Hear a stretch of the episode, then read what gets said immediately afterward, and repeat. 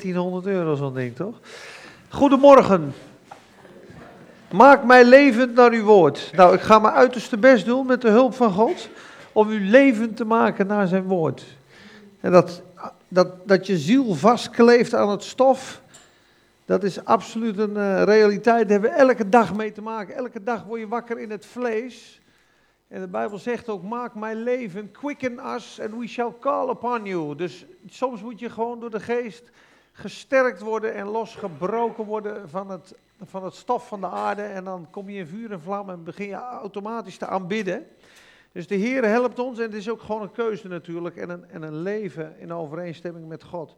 He, leef je veel in de wereld, dan denk je veel in de wereld en dan voel je ook die aankleving heel sterk. Ik ken dat heel goed en soms is het ook, mijn ziel druipt weg van treurigheid. Zegt hij, maak mij levend naar uw inzetting. Staat er heel veel in Psalm 119. Eh, Laten we beginnen met gebed. Vader, we danken u.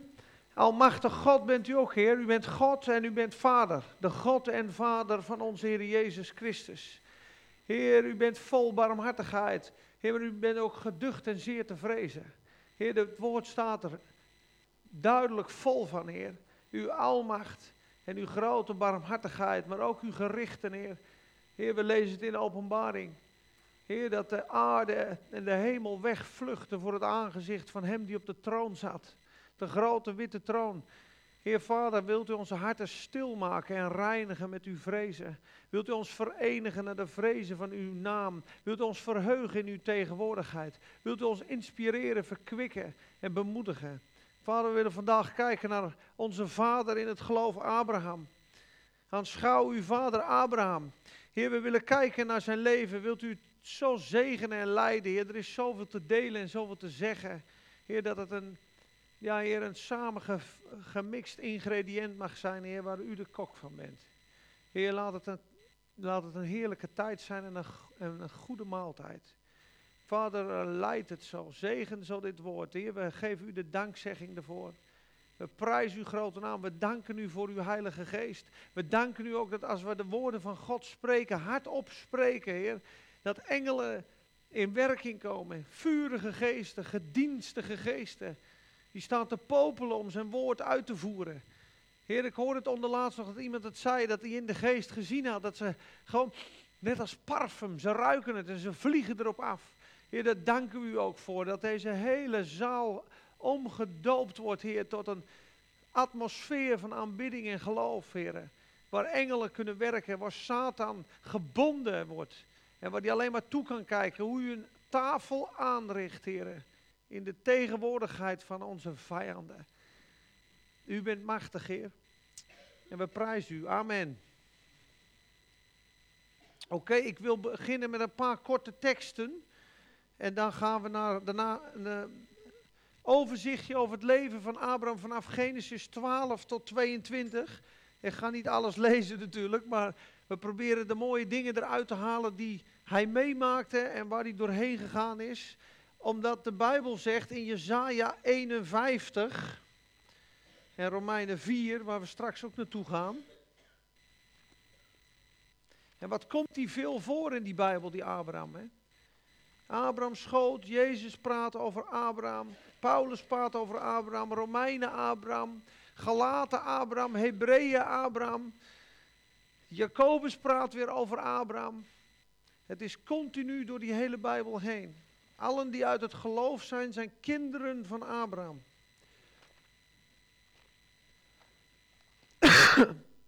en niet de natuurlijke kinderen zijn de kinderen van Abraham, zegt Romeinen 9, maar in Isaac zal uw zaad genoemd worden. Dus de geestelijke kinderen. Niet hij is een Jood die het in het vlees is naar de besnijdenis, maar hij die het in de geest is. Wiens lof is niet uit mensen, maar uit God. Dat is een Jood die besneden is naar het hart, naar de geest. De reddende gerechtigheid van God, Jezaja 51. Luister naar mij, u die de gerechtigheid najaagt. U die de Heere zoekt. Aanschouw de rots waaruit u gehakt bent de holte van de put waaruit u gegraven bent. Aanschouw Abraham, uw vader, en Sarah, die u gebaard heeft. Want toen hij nog alleen was, riep ik hem. Ik zegende hem en maakte hem talrijk. Want de Heere zal Sion troosten. Hij zal al haar puinhopen troosten. Hij zal haar woestijn maken als Eden. Haar wildernis als de hof van de Heere. Vreugde en blijdschap zal daarin gevonden worden. Dankzegging en luid psalmgezang. En ik denk ook wel een dansje. Hè? De WK5 band, dus, die, die is daar hoor. Even swingen. Halleluja. Nou, weet je, dat staat ook in 2 Korinthe 5, 13, hè? Dat is, dit is even tussendoor. Moet kijken dat Paulus had dus tijden dat hij gewoon in extase was. Er staat 2 Korinthe 5, 13. Wanneer wij buiten onszelf zijn, dan is dat voor God. En wanneer wij bij ons verstand zijn, dan is dat voor u. Dus als je een preek was, was hij hartstikke serieus. Maar die hebben tijden gehad dat ze in de vreugde en de lol van de Heer over de grond hebben lopen rollen. Waren wij buiten zinnen, in ecstasy for God. We waren het voor God. En dan zegt hij, waren we bij ons verstand? Dan waren we het voor u. Dus er is echt een, feest in de geest. En ik heb het wel eens meegemaakt en eigenlijk te weinig. Want de tijd dat ik in Amerika was en bij mensen thuis wel eens, als je dus Jezus... Uh, uh, geniet als de hemelse vreugde. Dat kan, hè? Dat, Jezus wordt dan de wijn in je. Nou, ik heb het een paar keer meegemaakt, maar je vindt iedereen lief, hè? Ook mensen waar je helemaal niet meer overweg kan. Dan loop je gewoon naartoe, je bent hartstikke verliefd, maakt er allemaal niet meer uit. De negen vrucht, negenvoudige vrucht van de geest opereert aan, tot, tot de max. Ik had het toen in Amerika op bijbelschool en s'avonds dacht ik, nou ja, dit is... I'm so friendly. I'm so patient. Ja, maar het is echt zo. Maar mensen van een half uur te laat. Ja, sorry dat we te laat zijn. Nee joh, maakt er helemaal niet uit. Te laat. Weet je wel, maar dat is heerlijk. Halleluja, daar gaan we naartoe. Daar willen we in verblijven. Daar zoeken we naar. Romeinen 4, ga ik een stuk lezen, want het gaat ook over Abraham. En Romeinen 3 is natuurlijk hè, de, de rechtvaardiging uit het geloof. Hij zegt eerst, wie is de rechtvaardig? Geen mens op aarde is rechtvaardig. Allemaal zijn ze uh, ja, afgedwaald, er is geen vrezen voor God. En dan begint hij over rechtvaardigheid uit het geloof. En dan gaat hij uitleggen, is dat nou uit het geloof of is dat, moet je daar iets voor doen of krijg je dat als een geschenk van God? Abraham door het geloof gerechtvaardigd staat erboven. Wat zullen wij dan zeggen? Romeinen 4 vers 1. Dat Abraham, onze vader, staat het weer, wat het vlees betreft verkregen heeft, heeft hij dan rechtvaardigheid in zijn eigen kracht bewerkstelligt. Immers, als Abraham uit werken gerechtvaardigd is, heeft hij iets om zich op te beroemen, maar niet bij God. Want wat zegt de schrift? En Abraham geloofde God, vertrouwde God, en het is hem tot gerechtigheid gerekend. Aan hem nu die werkt, wordt het loon niet toegerekend naar genade, maar naar wat hem verschuldigd is. Bij hem echter die niet werkt, maar gelooft in hem die de goddeloze rechtvaardigt, wordt zijn geloof gerekend tot gerechtigheid. Zoals ook David de mens zalig spreekt, aan wie God gerechtigheid toerekent zonder werken. Psalm 32 is dat, hè? Welzalig zijn zij van wie de ongerechtigheden vergeven en van wie de zonden bedekt zijn. Welzalig is de mens wiens de Heere de zonde niet toerekent. Een mooie tekst. Welzalig de mens van wie de Heere de zonde niet toerekent. Geldt deze zaligspreking nu alleen voor besneden mensen of ook voor onbesneden mensen? Wij zeggen immers dat aan Abraham het geloof gerekend is tot gerechtigheid. Hoe is het hem dan toegerekend? Was hij toen besneden of was hij onbesneden? Nee, hij was nog niet besneden, hij was onbesneden. En hij heeft het teken van de besnijdenis ontvangen als een zegel van de gerechtigheid, van het geloof, die hij had toen hij nog onbesneden was, opdat hij een vader zou zijn van allen die geloven. Hoewel zij onbesneden zijn, opdat ook hun de gerechtigheid toegerekend zou worden. En om een vader te zijn van hen die besneden zijn, voor hen namelijk die niet alleen besneden zijn, dus, dat is dus de Joden, maar die ook wandelen in de voetsporen van het geloof van onze vader Abraham, dat hij nog had toen hij onbesneden was. Nou, nu komt een belangrijk stukje, tot, 16, tot 17 lezen we, of tot 18. Zullen we tot 18 doen? Tot 19. we lezen nog even door. Let op. Want niet door de wet is de belofte aan Abraham of zijn geslacht gedaan dat hij een erfgenaam van de wereld zou zijn, maar door de gerechtigheid van het geloof. Immers, als de belofte van God uit onze eigen inspanningen zouden zijn, als de belofte uit de wet zou zijn, dan is het geloof zonder inhoud en de belofte teniet gedaan. De wet brengt immers toorn teweeg. Want waar geen wet is, is ook geen overtreding. Maar de belofte is uit geloof dat het zou zijn naar genade, met als doel dat het zeker zou zijn. Gods belofte en Gods genade falen niet, onze inspanningen wel. Voor het hele nageslacht. Niet voor dat wat uit de wet alleen is, maar ook voor dat wat uit het geloof van Abraham is. Dan staat hij weer, die een vader is van ons allen. Zoals geschreven staat, ik heb u tot een vader van vele volken gemaakt. Dit was hij tegenover hem in wie hij geloofd heeft, namelijk God, die de doden levend maakt en de dingen die niet zijn tot aan zijn roept alsof zij zijn. Nou, daarachter staat, weet je, hij heeft tegen hoop op hoop geloofd. Maar het leven van Abraham begint in Genesis 12. En, en hij wordt geroepen door God. En God zegt, God heeft een plan met Abraham en die roept hem uit zijn maagstam, uit zijn familie, uit zijn, uit zijn comfortzone. Kom uit je familie, kom uit je land. En Abraham moet leren om God te vertrouwen en God heeft een groot plan, want hij wil een, vele volken vanuit Abraham creëren. En Abraham is heel menselijk aan het begin, net als wij. In zijn hele leven maakt hij ook fouten en gelukkig hebben wij dat ook. Maar hij is onze vader en ons voorbeeld in het geloof. En we zien aan het eind van zijn leven dat hij tot volmaakte gehoorzaamheid en geloof gekomen is. Maar hij had er tussendoor nog wel wat dingen meegemaakt. Want hij neemt zijn broer, of zijn neef Lot mee. En heel veel van jullie weten dat natuurlijk al, maar niet iedereen zal het weten.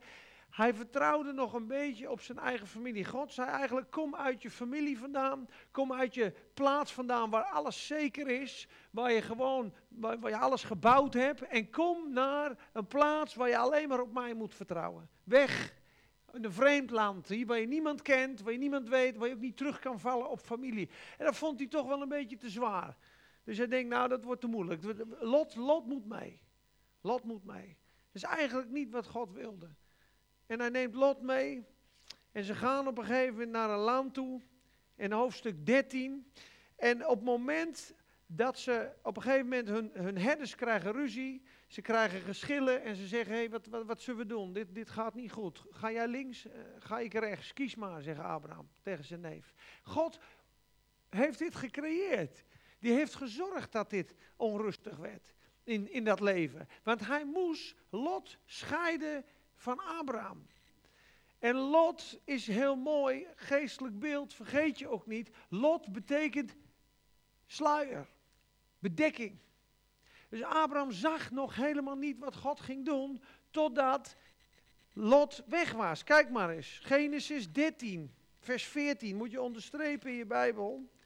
Op het moment dat je iets niet kan zien, kan het zijn dat het veroorzaakt wordt door iets waar je op vertrouwt, waar God niet meer wil dat je op vertrouwt. Dus dat je iets los moet laten, wat jouw veiligheid biedt, waar je op God moet gaan rusten. En daar staat dus heel duidelijk. En de Heere zei tegen Abraham, 13, 14, nadat Lot zich van hem afgescheiden had. Zie je dat? Sla toch uw ogen op en kijk vanaf de plaats waar u bent naar het noorden, het zuiden, het oosten en het westen. Al dat land, loop er maar doorheen, zie maar hoe het is, zo groot zal het zijn. De visie die God aan Abraham wil laten zien, komt pas als Lot van hem gescheiden, gescheiden is. En de eerste twee, drie stappen die hij zet zijn ook zeer belangrijk. Gaan we even erbij vermelden. In Genesis 12 en 13 gaat Abraham drie keer een altaar bouwen. Hij gaat namelijk dat hele land doorkruisen en doorzoeken. Hij is eerst in het zuiden te vinden, in het oosten, in het westen en in het noorden. En hij, hij, hij, hij gaat overal kijken hoe groot die belofte is. Dus God heeft iets tot je gesproken. God zegt, ik wil dat je me vertrouwt. Misschien moet je wel je baan opgeven. Of ik wil dat je deze relatie beëindigt. Of ik wil dat je me gaat vertrouwen met een bedrag. Ik wil dat je 1000 of 1500 euro aan Moldavië geeft. En dat heb je misschien helemaal niet. Maar ik wil dat je me gaat vertrouwen. Dat kan, hè? Dat God zoiets vraagt. Dan kun je wel heel, heel gauw zeggen: ja, dat past niet zo goed. Dat doen we liever niet. Maar stel je voor dat je God vertrouwt. Dan komt er dus visie. En God gaat je dingen laten zien. En daar mag je best over nadenken. En dat doet Abraham ook. Dus hij loopt door dat land heen. En hij zet eerst zijn tent bij Sichem. En Sichem betekent shoulder. Kracht. Dus hij zet zijn altaar neer en roept God aan. Dus de eerste plaats waar een gelovige komt, is dat hij bekrachtigd wordt door de Heilige Geest. Daarna trekt hij op en gaat verder en zet zijn tent neer in Bethel, het huis van God. Ze zeggen, als je bekrachtigd bent door de Heilige Geest en afgerekend hebt met het vlees en niet meer jezelf zoekt, zie je het plan van God, de kerk van God. En dan weet je, Bethel is het huis van God. Hier wil God dat ik woon. Hier wil hij dat ik samen ben met mijn broeders. En het heel belangrijk gedeelte is, staat, hij zette zijn tent tussen Bethel en Ai met de rug naar Ai. We hadden het net over stof en wereld. Ai is een wereldsysteem. Ai is kerkje bouwen in eigen kracht en betekent een hoop van losse stenen. En het bouwt zich op en elke keer valt het in elkaar. Er zit geen fundament, er zit geen aanhechting, er zit geen bouwmeester, er is geen hoofd. En elke keer als mensen systemen opbouwen, kan het er mooi uitzien aan het begin. Ik hoorde gisteren nog iemand, er is een, een, een, palletstapelwedstrijd in, uh, in Scheveningen. In vuur en vlam, dat stond dus in vuur en vlam op, die, op de markt. Ik denk dat is een broeder. Nee, nee, dat is uh, pallets, palletstapelen. 35 meter hoog, 20.000 pallets, vrachtwagens achter elkaar doen ze een wedstrijd daar. En, uh, maar goed, dat valt op een gegeven moment om, want ze mogen niet hoger dan 35 meter. En dat is met onze eigen werken, eigen koninkrijken ook. Dus daarom zei God, het moet Bethel, moet omgedraaid zijn van Ai. Ai is een wereldse kerk, Bethel is een hemelse kerk. Daarom moet het een hemelse gemeente worden. Een hemels Sion. Daarna wordt het nog mooier, want ben je daar geweest in Hebron, of gaat hij naar Hebron? Alvorens hij eerst naar Mamre gaat. En daar is gewoon, en Mamre betekent vettigheid diepe, lekkere, vettige, heerlijke smul, smullen in de geest. De vettigheid is het diepe voedsel van God.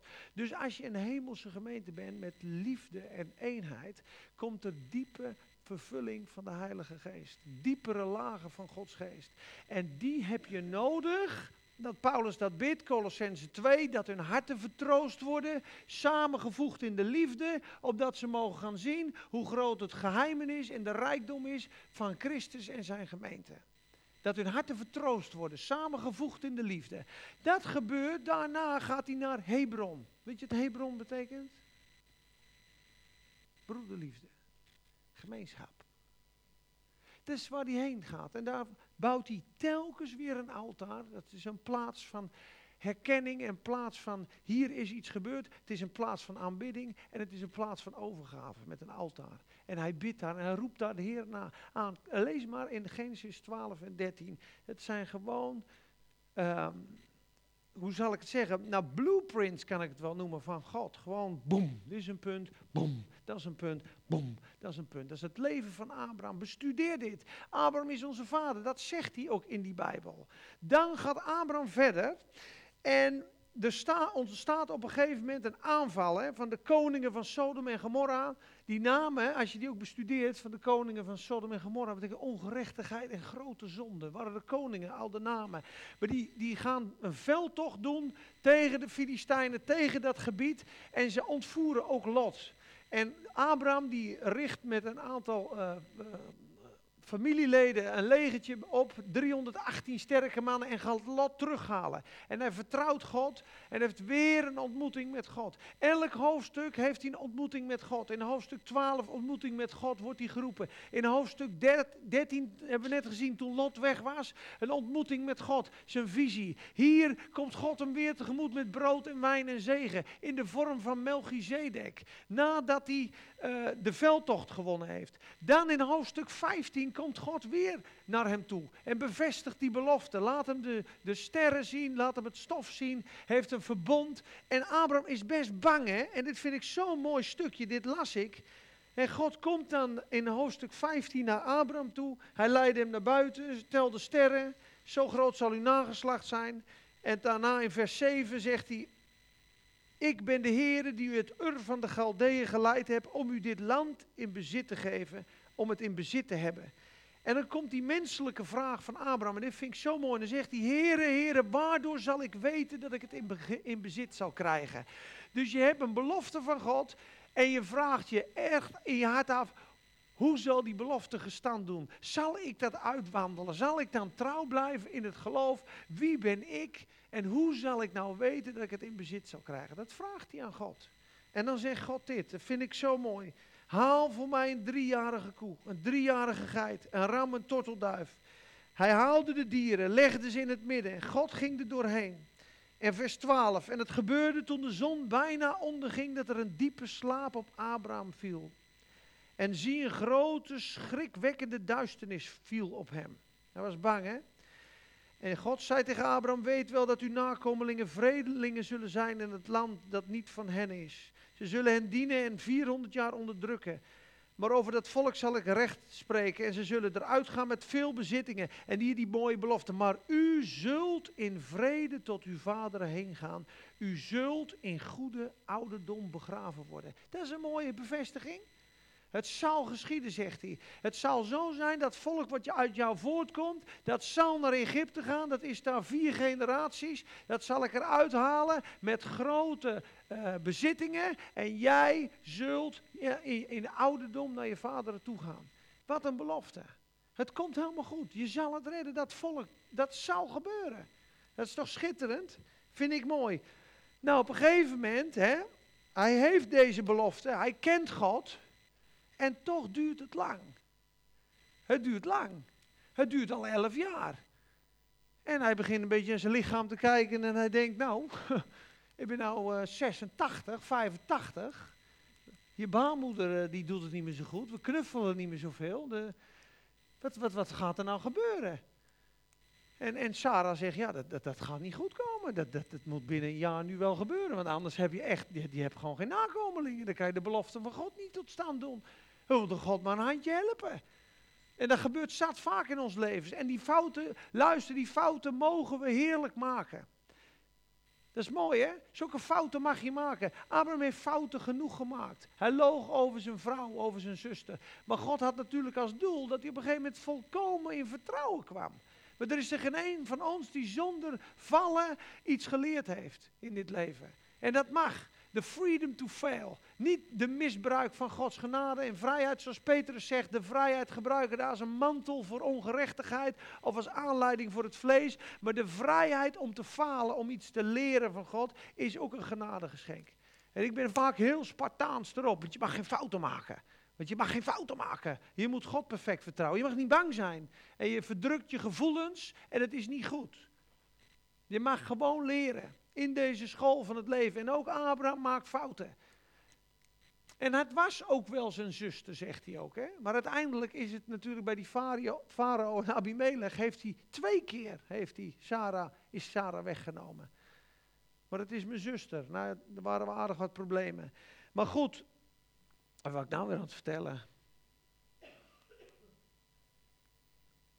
Oh ja, dat het lang duurt, hè? Oh ja, het duurt lang, sorry. paar nuggets. Het duurt lang, dus je hebt een belofte en het komt niet. En je wordt ongeduldig. Dus Sarah zegt, neem Hagar. Neem die in. Ga daar dan mee. En Abraham gaat met Hagar. En Ismaël wordt geboren. Maar het is niet het kind van de belofte. Dat is dus, je helpt God, je doet het in eigen kracht. En er staat, Ismaël was naar het vlees geboren. Naar de eigen inspanning. En het vervult niet de gerechtigheid van God. Dode werken. En daar moeten we allemaal van verlost worden. Want dat klinkt zo goed. Ik wil God toch een handje helpen. Maar als je goed leest straks in hoofdstuk 22. Neem nu uw zoon. Uw enige. Uw enige die u lief hebt. Maar je hebt twee zonen. En God erkent dat kind niet als in de geest van de belofte. De Arabieren vinden dit heel moeilijk. En in de Koran staat dus dat Ismaël met Abraham de berg op ging. Hebben ze gewoon echt veranderd. Die pijn is zo diep. Dus ik kwam daar op de markt achter het kanaaleiland.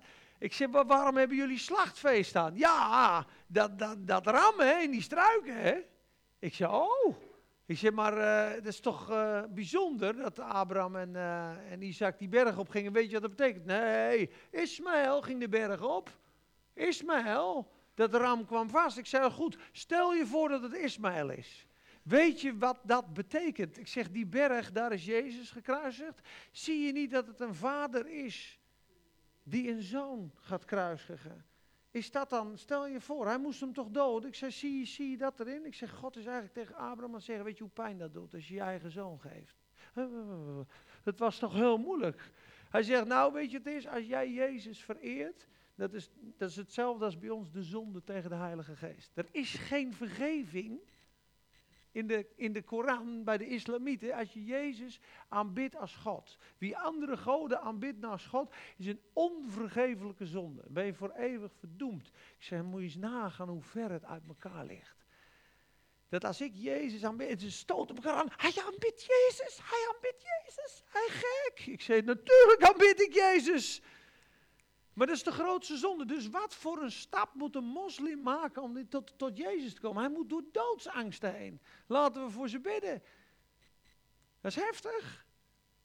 Maar Ismaël werd gecreëerd. En op een gegeven moment gaat Sarah gaat naar Abraham toe. Die zegt, nou, ze heeft nu zo'n grote mond, ze veracht me. En hij zegt, zend hem maar in de woestijn. Hè? Doe maar met, ze is twee keer weggestuurd. Doe maar met haar wat u goed dunkt de Heere rechten. En zij vernederde Hagar en ze ging naar de woestijn. En God zei, ga terug, onderwerp je aan haar en blijf dienen. En ze ontmoette daar God. En dan komt Abraham en gaat krijgt hij een nieuwe naam in hoofdstuk 16, of in hoofdstuk 17. Dan komt God bij hem en hij zegt, je bent niet meer Abraham, Abram, maar je wordt nu Abraham. En Sarai wordt Sarah. En dat is een heel mooi beeld. We er van de week nog een grapje over maken. Want Abraham en Abraham. Er zit de A en de H tussen. Ik zei, hij was nog niet naar de Albert Heijn geweest, weet je wel. Dus toen hij naar de Albert Heijn geweest was, heette die Abraham. De A en de H kwamen erbij. Maar goed, het mooiste is, hij was een natuurlijk mens, Abraham. Maar de Ham kwam erbij, dat is de geest van God. Abraham werd het. Dus hij werd echt bekrachtigd en opnieuw geboren. En Sarai werd Sarah precies hetzelfde. En er zit de kracht en de adem van God kwam in hun. En ze werden een vader van vele volken. En Sarai betekent dominante vrouw. En Sarah betekent prinses. Dus die was ook eventjes veranderd. De kibbelende huisvrouw was de dienende prinses. Noemende hem heren. Petrus praat ook weer over Lot en over Abraham. Hoe mooi is dat? En op een gegeven moment begint God te spreken. Nee, er komt een, er komt een erfgenaam door jou, door jouw eigen lendenen heen en door Sarai heen. En het is bijzonder, want ze lachen en ze zeggen, nou ik ben nu 99 jaar. En we waren staten oud en hoog bejaard. En ze deden niet meer naar de weg van een man en een vrouw. En ook de baarmoeder was verstorven van Sarai. Dus het was echt niet mogelijk. Het was medisch niet mogelijk en het was in omgang niet mogelijk. En daarom lacht Sarah ook. En, de, en op een gegeven moment komt de Heer Jezus met nog twee engelen. Dat is de engel des Heren. Die komen in hoofdstuk 18 weer op bezoek. Hij zegt in 17 in de belofte. Hij zegt elk hoofdstuk, kijk maar, heeft hij een ontmoeting met God. God ontmoet Hagar God, ontmoet in 15, God in 16, God in 17. Weer een slaap. Hij valt op zijn aangezicht. God spreekt die belofte. God zegt het nog een keer. In hoofdstuk 18 komt hij dat weer bevestigen met die drie. Hij zegt: haal een geitje, haal wat eh, koeken, maak wat deeg. En de drie zitten daar. En dan staat er, en Sarah lacht in, haar, Sarah lacht in haarzelf. Hoe kan dat nou? We doen, het, we doen het eigenlijk al helemaal niet meer. Dit kan niet. En het ergert hem. Is er iets voor de Heer te moeilijk, staat er? Om dezezelfde bestemde tijd, de volgend jaar zal zijn zoon hebben en je zult hem de naam Isaac geven. En het gebeurde. En daarna komen de geheimen van God. Hè? Dus op een gegeven moment gaat God weg en dan gaan ze naar Sodom en Gomorra. En Abraham krijgt, doordat hij een vriend van God is, de diepe omgang met God. Omdat hij God vreest en God gelooft. En God loopt ook, nou ja, we gaan een groot, een, groot, een groot nageslacht aan hem geven. Waarom zou ik deze dingen niet delen met mijn vriend Abraham? Maar met Lot deelt hij niet. Heb je er wel eens over nagedacht? Dat Lot is rechtvaardig, wordt hij genoemd in de Bijbel in Petrus. Maar Lot wist niks over de bestraffing van God op Sodom. En Abraham wist het wel. Abraham wist in die fijne omgang het wel. Want God had het ook tegen Lot kunnen zeggen. Maar Lot is er wel van uitgehaald. Dit is weer wederom een beeld van een christen die natuurlijk kijkt. Lot keek natuurlijk, dat is mooi, want er staat voordat de Heer Sodom en Gomorra omdraaide, omkeerde, was het tot aan Zoar als de hof des Heren als het paradijs. Het was een schitterende mooie streek. Met mooie ogen hadden gezegd, nou dat is mooi, dit is een topbaan, dit is een tophuis, toplocatie. Doen we. Zonder de Heer te raadplegen. En het was uiteindelijk ellende. En niet alleen Sodom en Gomorra is omgedraaid, de hele streek is omgedraaid. En het feit dat Lot vluchtte naar een klein plaatsje, hij moest eerst naar de berg, is nog genade van God, want dat plaatsje werd niet omgedraaid. Lees maar eens goed. Maar Abraham heeft een hart voor verlorenen. Hij bidt tot God, hij zegt 50. Als dan, zou je dan de goddeloze straffen met de rechtvaardige om 50? En hij voelt eigenlijk, ja, dat gaat hem niet worden. 40? 45, 40, 30, 20, 10? Hij veroordeelt die wereld niet. Hij bidt. Hij is een voorbeder. Hij is een priester. Hij staat op de bres voor mensen die zwaar in zonde leven. En in plaats van Jona die onder die boom gaat zitten van jongens, nou gaat het vuur regenen op ze, is Abraham aan het voorbeden doen als een priester. En toch kan het niet, want er zijn er geen tien. En dan komt hoofdstuk 19, is leuk om te vertellen. De epidemie van homoseksualiteit. er wordt vaak gezegd, homoseksualiteit is een geaardheid. Het is wetenschappelijk bewezen. Sommige mensen hebben bruine ogen, sommigen hebben groene ogen. Die kan die mensen toch niet veroordelen? De, de, de, meeste mensen zijn rechts en sommigen zijn links. Dus omdat iemand links is, ga je hem veroordelen. Maar homofilie is in heel veel, of heel veel gevallen, ik moet het goed zeggen, is soms niet de keuze van een mens. En sommige homofiele mensen hebben zichzelf bewerkt, ja, met een vork zo, omdat ze het niet wilden. Dus er zit heel veel pijn, maar er zit een geest achter. Want er staat van jong tot oud. De hele stad was vergaderd bij het huis van Lot. De hele stad was homofiel geworden.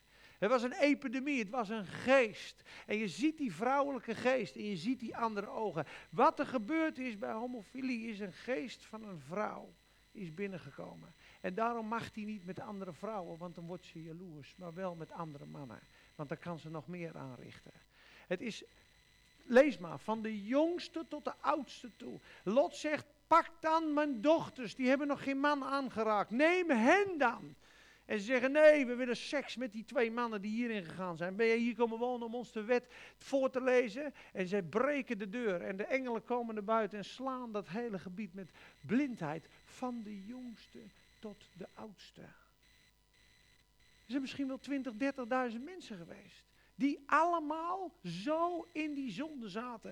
En we hebben er van de week nog over gesproken. De zonde van Ezekiel 16. Daar staat de zonde van Sodom beschreven. Ik zal het je even kort lezen.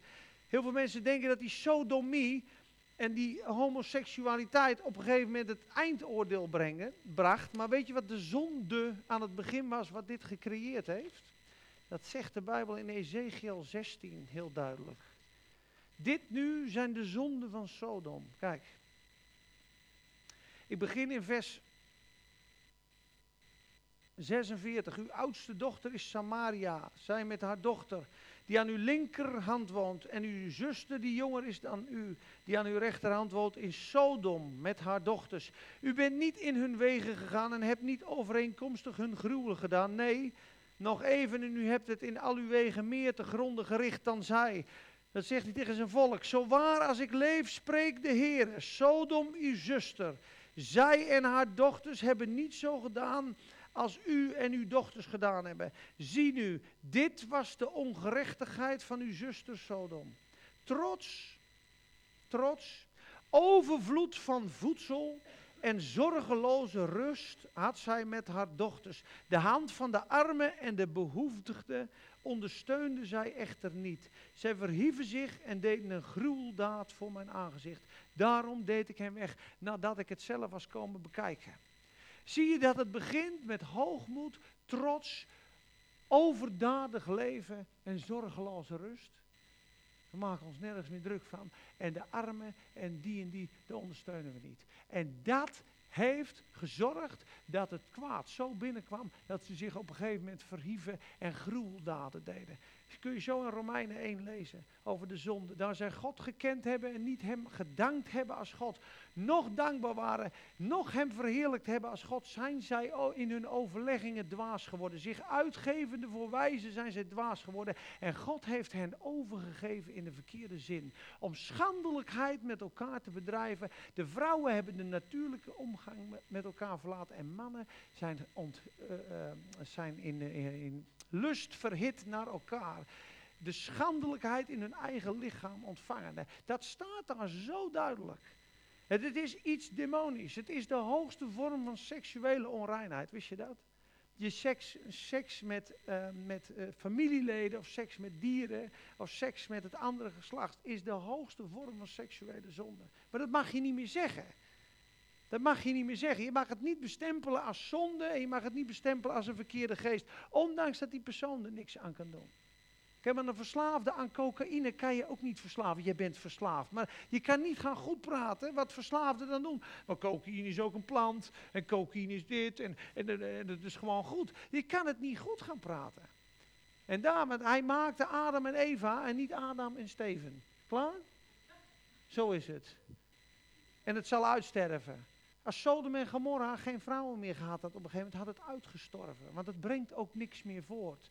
Dus dan kun je toch wel nagaan dat dat niet meer de natuurlijke weg van God kan zijn. Het is niet de circle of life. Maar dat mag, je niet, dat, mag, dat mag niet meer gezegd worden, maar we zeggen het mooi wel. Halleluja. Maar God gaf de geheimen aan Abraham. En hij kwam in een diepere laag. Op een gegeven moment komt er een hongersnood. Dan gaat hij weer naar Egypteland. Dan gaat hij weer liegen. Dan is hij nog steeds een beetje bang. Hij dacht, ja, de vrezen van God is niet in deze plaats. Maar uiteindelijk komt de belofte. En hij wordt zo bemoedigd. En Sarah en Abraham hebben bovennatuurlijk door de geest, de geest der belofte, hebben ze een bevalling. Het is een bovennatuurlijke bevalling, mensen. Geen baarmoeder, verstorven, geen omgang. Iedereen zal zeggen, het is anders gebeurd. Het is een bovennatuurlijke kind van de belofte, uit de geest, uit het geloof geboren. Dat is het wonderlijke daarvan. Hij geloofde God nadat zijn lichaam verstorven was, staat in Romeinen 4, en heeft tegen hoop op hoop geloofd. Dus dit is een wonder. En daar worden ze door bemoedigd en bekrachtigd. En Isaac groeit op en het is een zoon van genade. En dan begint Ismaël Isaac te bespotten en te belachen.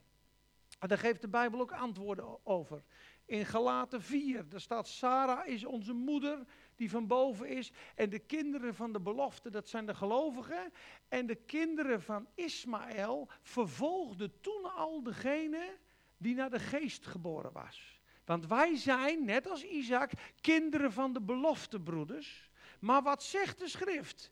En dit is iets bijzonders. Sarai zegt op een gegeven moment tegen Abraham: Je moet die slavin in de woestijn uitwerpen. En dit is een geestelijk beeld. En er staat: Voor Abraham was dit zeer moeilijk om te doen, omdat het zijn kind was, wat hij voortgebracht had naar hemzelf. En dit is de diepste bekering die wij kunnen meemaken. dat je alles wat je voor God gedaan hebt, in eigen kracht in de woestijn moet smijten en daar los van moet komen. Alle wetticisme gaat het hier over. Hij zegt in Galaten 4, want de, de zoon van de belofte zal niet erven met de zoon van de slavin. Dat betekent dat wet en genade niet samen kunnen. Dus alles wat wettisch is, alles wat je je eigen kracht produceert, alles waar je voor strijdt. Ik ben zo vaak in die val gevallen en nog, dat Satan mij laat strijden in mijn eigen kracht om God te behagen. En daar zit dus 120 procent ehm, eh, hoe zal ik dat zeggen, inzet in. Ik doe daar mijn uiterste, uiterste, uiterste best voor. En God heeft me laten zien, dat zijn de grootste zonden die je kan doen. En dan denk ik, nou moet toch helemaal ophouden. Ik ben mijn uiterste best aan doen om uw naam te verheerlijken, uw koninkrijk groot te maken. En u zegt, dit zijn de grootste zonden. Ja, zo heeft Satan je misleid. Want je gaat eeuwen langs het kruis. Je veracht het werk van Golgotha. Je, je, je zoekt je eigen gerechtigheid op te stellen. En je doet het met tanden. Maar je hebt niet in de gaten, je bent misleid. En het is heel moeilijk, want als je dat niet herkent, loop je erin vast en loop je erin vast en alles stroomt niet meer. Maar je bent zwaar in overtreding. Zwaar in overtreding. Dat is moeilijk, hè? Als je je daarvan mag bekeren. Het is enkel en alleen uit u. Enkel en alleen uit de belofte. Werp uit mij de dienstmaagd en haar zoon. Al dat wetticisme weg. Al dat proberen weg. Dat je komt tot de volle belofte. Want hoe begint gelaten 5? Nadat ze dat gedaan hebben. Sta dan vast in de vrijheid waarmee Christus u heeft vrijgemaakt. En word niet wederom bevangen met een slavenjuk. Want ik zeg u dat als gij de wet wil houden, moet u alle geboden perfect houden. Christus is van geen effect voor u die gerechtvaardigd wil worden door de werken der wet. U bent van de genade vervallen. Dus daar moet je je van bekeren en daar moet je voor waken. De, morale, de immorale zonde kennen we allemaal wel. Hè? Ik drink niet meer, ik lieg niet meer, ik stil niet meer, ik doe dit allemaal niet meer. Maar dit is de listige andere kant, dat religieuze vlees. Dat mooie vrome vlees. En daar moest Abraham ook van verlost worden. Want dat zie je, hij doet het in eigen kracht. En op een gegeven moment vindt hij dat moeilijk. Maar de Heer zegt, luister naar je vrouw Sarah. En ook uit Ismaël haal ik een volk. En ze doen dat. En gelukkig, er wordt een put geopend in die woestijn. De ogen gaan open. En ik geloof echt dat de Arabische volken, twaalf vorsten zijn er uit Ismaël gekomen. Dat er in het einde tijden een groot werk zal zijn. Dat onder die moslims een gigantische aanroeping mag zijn. Dat als ze onder die struik liggen, we gaan dood. Dat Hagar, die dat die dat voortgebracht hebben, hun ogen geopend mogen worden voor de bron. En die bron is Christus in die woestijn. En dat hoop ik, want anders had God het toch niet zo ver laten komen. Ik geloof niet dat God zulke vijanden opricht om ze uiteindelijk neer te, neer te slaan. Want hij heeft een plan met Ismaël. En dan komt het laatste hoofdstuk. Dat moeilijke hoofdstuk, dat ik, als je dat leest, dat je denkt, Heer, waarom gaat u zo ver? Waarom vraagt u aan Abraham om zijn enige zoon te offeren? Waarom doet u dat nou? En we zien de gerechtvaardigheid uit het geloof. Aan het begin, in hoofdstuk 15, gelooft die God. En het wordt hem tot gerechtigheid gerekend. Maar aan het eind, en dat moeten we ook lezen in de Bijbel, in Jacobus staat, werd zijn geloof niet volmaakt door de werken dus Abraham is gerechtvaardigd door het geloof. En dan wordt zijn hele leven beproefd. En dan worden fouten gemaakt. Maar uiteindelijk komt het punt dat hij de dood moet overwinnen. De angst voor de dood. Net als Jezus, net als Petrus, net als zoveel. Dat wij op het punt komen. Vertrouwen wij God ook met ons leven. Want hier hebben we ons leven aan Hem gegeven. Hier, hier, hier, hier heb je mijn leven. Want dan krijg je eeuwig leven. Maar er komt een keer een test in het geloof. En die komt ook voor Abraham. En de Heere test Abraham, beproeft Abraham. Neem nu uw zoon, uw enige die u lief heeft, en ga naar de berg Moria en slacht hem daar. Je moest kijken wat er gebeurd is met, met Abraham in hoofdstuk 22.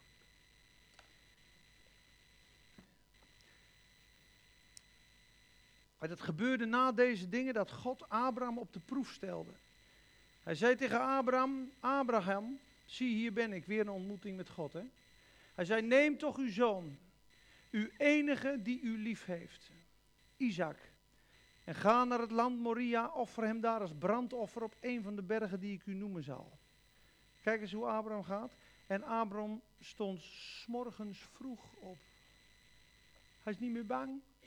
Hij zoekt geen uitvlucht. Hij liegt niet. Hij heeft geen compromis. Hij, hij gehoorzaamt God gelijk. S'morgens vroeg zaalde zijn ezel, nam twee van zijn knechten met zich mee en Isaac zijn zoon. Hij kloofde het hout voor het brandoffer, stond op en ging naar de plaats die God genoemd had. Het was drie dagen onderweg. Hij had na anderhalve dag zo kunnen zeggen van nou, ja, weet je, dit is, uh, ik, ik draai toch om hoor, want uh, ik vind het toch wel heel heftig. Het is drie dagen is die in gehoorzaamheid onderweg. Dit is volmaakt geloof. Hè? Hier mogen we dus naartoe groeien. Maar zo moet het worden dat als God iets zegt wat eigenlijk niet kan, ja, dat, die, dat je vroeg in de morgen zegt, God heeft het gezegd, God heeft die belofte gesproken, ik zal tot mijn vaderen gaan, ik zal in het einde van mijn lot komen, dit volk zal geschieden, linksom of rechtsom, God kan niet liegen. En dat zegt Hebreeën ook. Weet je waarom Abraham dit kon? Dat weten jullie al, hè? Het is een bijbelgetrouw gemeente, maar voor degenen die het niet weten. Omdat Abraham bij zichzelf gezegd had, God zal hem dan uit de doden opwekken. Ook al slacht ik die zoon, ook al gaat hij op die berg dood, God zal hem dan oprichten. En als het ware ontving hij hem weder terug uit de dood, zegt Hebreeën. Dus hij doet dat. Ze gaan samen en hij legt Isaac daar neer en God zegt, nu u mij vreest. Kijk maar eens in vers 14 en daar gaan we straks mee eindigen. Of vers 12, sorry. Toen zei hij: Steek uw hand niet uit naar de jongen en doe hem niets. Want nu weet ik dat u Godvrezend bent. En uw zoon, uw enige, zie je, staat uw enige, mij niet onthouden hebt. Toen sloeg Abraham zijn ogen op en keek om. En zie, Achter hem zat een ram met zijn horens verstrikt in het stuikgewas. Abraham ging erheen en nam die ram en offerde hem in plaats van zijn zoon. God wist dit al lang. God had aan de andere kant van de berg dat ram al omhoog laten gaan. God wist al, die gaat ik met, met zijn horens laten verstrikken. God wist al wat hij ging doen. En toch pest hij Abraham tot het uiterste. Want wij hadden allemaal kunnen zeggen, ik, dit is wel een beetje ziek hoor.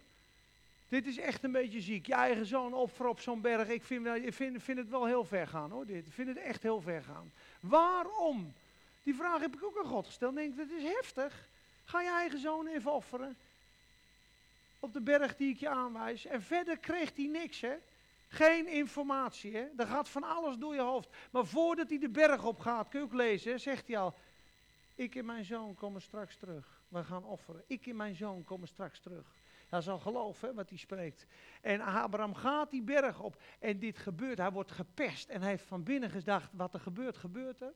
Mijn God kan alles. Sarah is zwanger geworden. Ik heb nou mijn hele leven al zoveel meegemaakt. God is trouw. God kan niet liegen. Ik vertrouw God. En Abraham sterft. En de dood heerst niet meer. En Isaac, hij, hij is niet meer bang voor de dood. Dat heeft Petrus meegemaakt. Eerst in die verloochening. Waarom? De angst voor de dood. En wat u op Pinksteren gezien? Dat Jezus de dood heeft overwonnen. En dan staat hij weer op Pinksterdag met die mond. En dan zegt hij, jullie hebben Jezus verlogend. Handelingen 3. Jullie hebben Jezus verlogend voor Pilatus. Hij heeft hem zelf verlogend. Maar hij was helemaal vrij, hij was helemaal nieuw. Hij was dwars door de dood heen gegaan. En daar moeten we allemaal doorheen. Door de dood. Dat de angst voor de dood ons niet meer reageert. Dat we zo God vertrouwen. En wat gebeurt er daarna? Weer een slaaier weg. Want hij ziet God als Jehovah Jireh. Die God die voorziet, heeft niemand God nog zo genoemd. Een diepere openbaring van God. Dus, wat zegt dit verhaal? Laat je los waarop je vertrouwt. Krijg je visie voor je bediening, voor je werk en wandel en leven. Geef jij op wat God van je vraagt. Ja, en vertrouw je God. Krijg je visie over wie God is. Dus de vrezen des Heren brengt de kennis. Het is ook de geest van de kennis en de vrezen des Heren. Dus nu weet ik dat gij God vreest. diepere laag van God. Ja, hier, dit kan ik nog niet opgeven. Dat is goed, dan ben je nog onderweg. Maar dan kan ik niet de sluier weghalen van, de volgende, van het volgende. Maar kijk eens wat er daarna staat, wat God nu doet. Abraham gaf die plaats, de Heere zal erin voorzien. Vers 14, daarom wordt heden ten dagen gezegd, op de berg van de Heere zal erin voorzien worden. Daarna riep de engel van de Heer tot Abraham voor de tweede keer vanuit de hemel. Hij zei, ik zweer bij mijzelf. Dit spreekt de Heer, omdat u dit gedaan hebt en mij uw zoon, uw enige niet onthouden hebt, zal ik u zeker rijkelijk zegen. En uw nageslacht zeer rijk maken als de sterren aan de hemel en het zand aan de oever van de zee. Uw nageslacht zal de poort van zijn vijanden in bezit nemen. In uw nageslacht zullen alle volken van de aarde gezegend worden, omdat u mijn stem gehoorzaam bent geweest. Dus hij krijgt er een dikkere, rijke zegen bovenop en grote overwinning. En dit zegt hij, kijk naar Abraham. Hij had een paar fouten, maar hij groeit in vertrouwen. Hij geeft alles op. Alles wat je vasthoudt, wat niet God is, gaat schudden. Dus dat zie je ook bij die herders van, van, eh, van, van Lot. Dat heeft God geregeld. Dat doet hij gewoon. In Psalm 119 staan een hele mooie teksten. 65, dan moet ik het goed zeggen, nee, om de vier. 67, 71 en 75. Lees maar eens thuis wat daar staat. Over dat God verdrukking stuurt als je aan het dwalen bent en dat je daarna tot gehoorzaamheid en tot richting komt. Hij brengt je in het midden van zijn wil dat alles waar je je vertrouwen op gesteldheid hebt weg is. Vertrouw alleen op God. En dan ziet Abraham natuurlijk dat Sodom en Gomorra was net als het paradijs. Dat kan misschien wel een, eh, een ja, een niet zo mooie vlakte geweest zijn. Je denkt, nou, hoe gaan we daar ons inkomen uh, regelen? Hoe ga ik daar wonen? Hij was onzeker, dat zie je, daarom liegt hij over zijn vrouw. Want ik dacht dat de vrezen van God niet aan deze plaats was. Dus hij kiest voor het onzekere. En hij vertrouwt op God, hij ziet met hele andere ogen. En uiteindelijk loopt Lot vast en wordt hij mega gezegend. En hoe vaak kijken we met natuurlijke ogen. Is dit goed voor ons? Is dit goed voor mij? Dan doe ik dit. En het gaat toch fout. En dan doe je het fout, geen probleem. Dan komt er gewoon weer een situatie in je leven dat je het nog een keer gaat doen. En nog een keer, en nog een keer, en nog een keer, en nog een keer, en nog een keer, en nog een keer. En ja, sommigen zullen zelfs baby's blijven, ja. Dat klopt. Lot is toch rechtvaardig. En 1 Korinthe 3 zegt gelukkig, als al ons werk verbrandt, hebben we schade aan onze ziel, doch wij zelf worden gered. Maar als door vuur heen. Ja, het is niet de plek die je denkt dat we moeten hebben, maar weet je, het, de belofte van God is standvastig. Maar wat je ziet in Abraham, dat hij, en dat mogen we dus allemaal leren en moeten we hopelijk ook allemaal leren, dat we komen tot volledige overgave. Want God heeft met Abraham een groot plan en hij moet in hem bewerken dat hij hem vertrouwt tot aan de dood toe. Net als klei in de oven moet tot het volste vuur, anders kan hij niks dragen, moeten we ook de vuurproef doorstaan. En er komt de vuurproef en dat is niet om je te, jennen en het is ook niet om mij te, te jennen, maar we moeten aan het einde van onszelf komen en wat komt er daarna? Nog een veel grotere doorbraak en een veel grotere zegen, want hij was de vader van vele volken. Er is één iemand, dus, dus Abraham schoot wordt er zelfs over gepraat jongens. Hij heeft toch een, als u aanziet met Abraham, en alle profeten in het koninkrijk der hemelen. Is er één iemand het met vlag en wimpel gehaald heeft, is Abraham En dat is de vader van ons allen. Amen. Amen.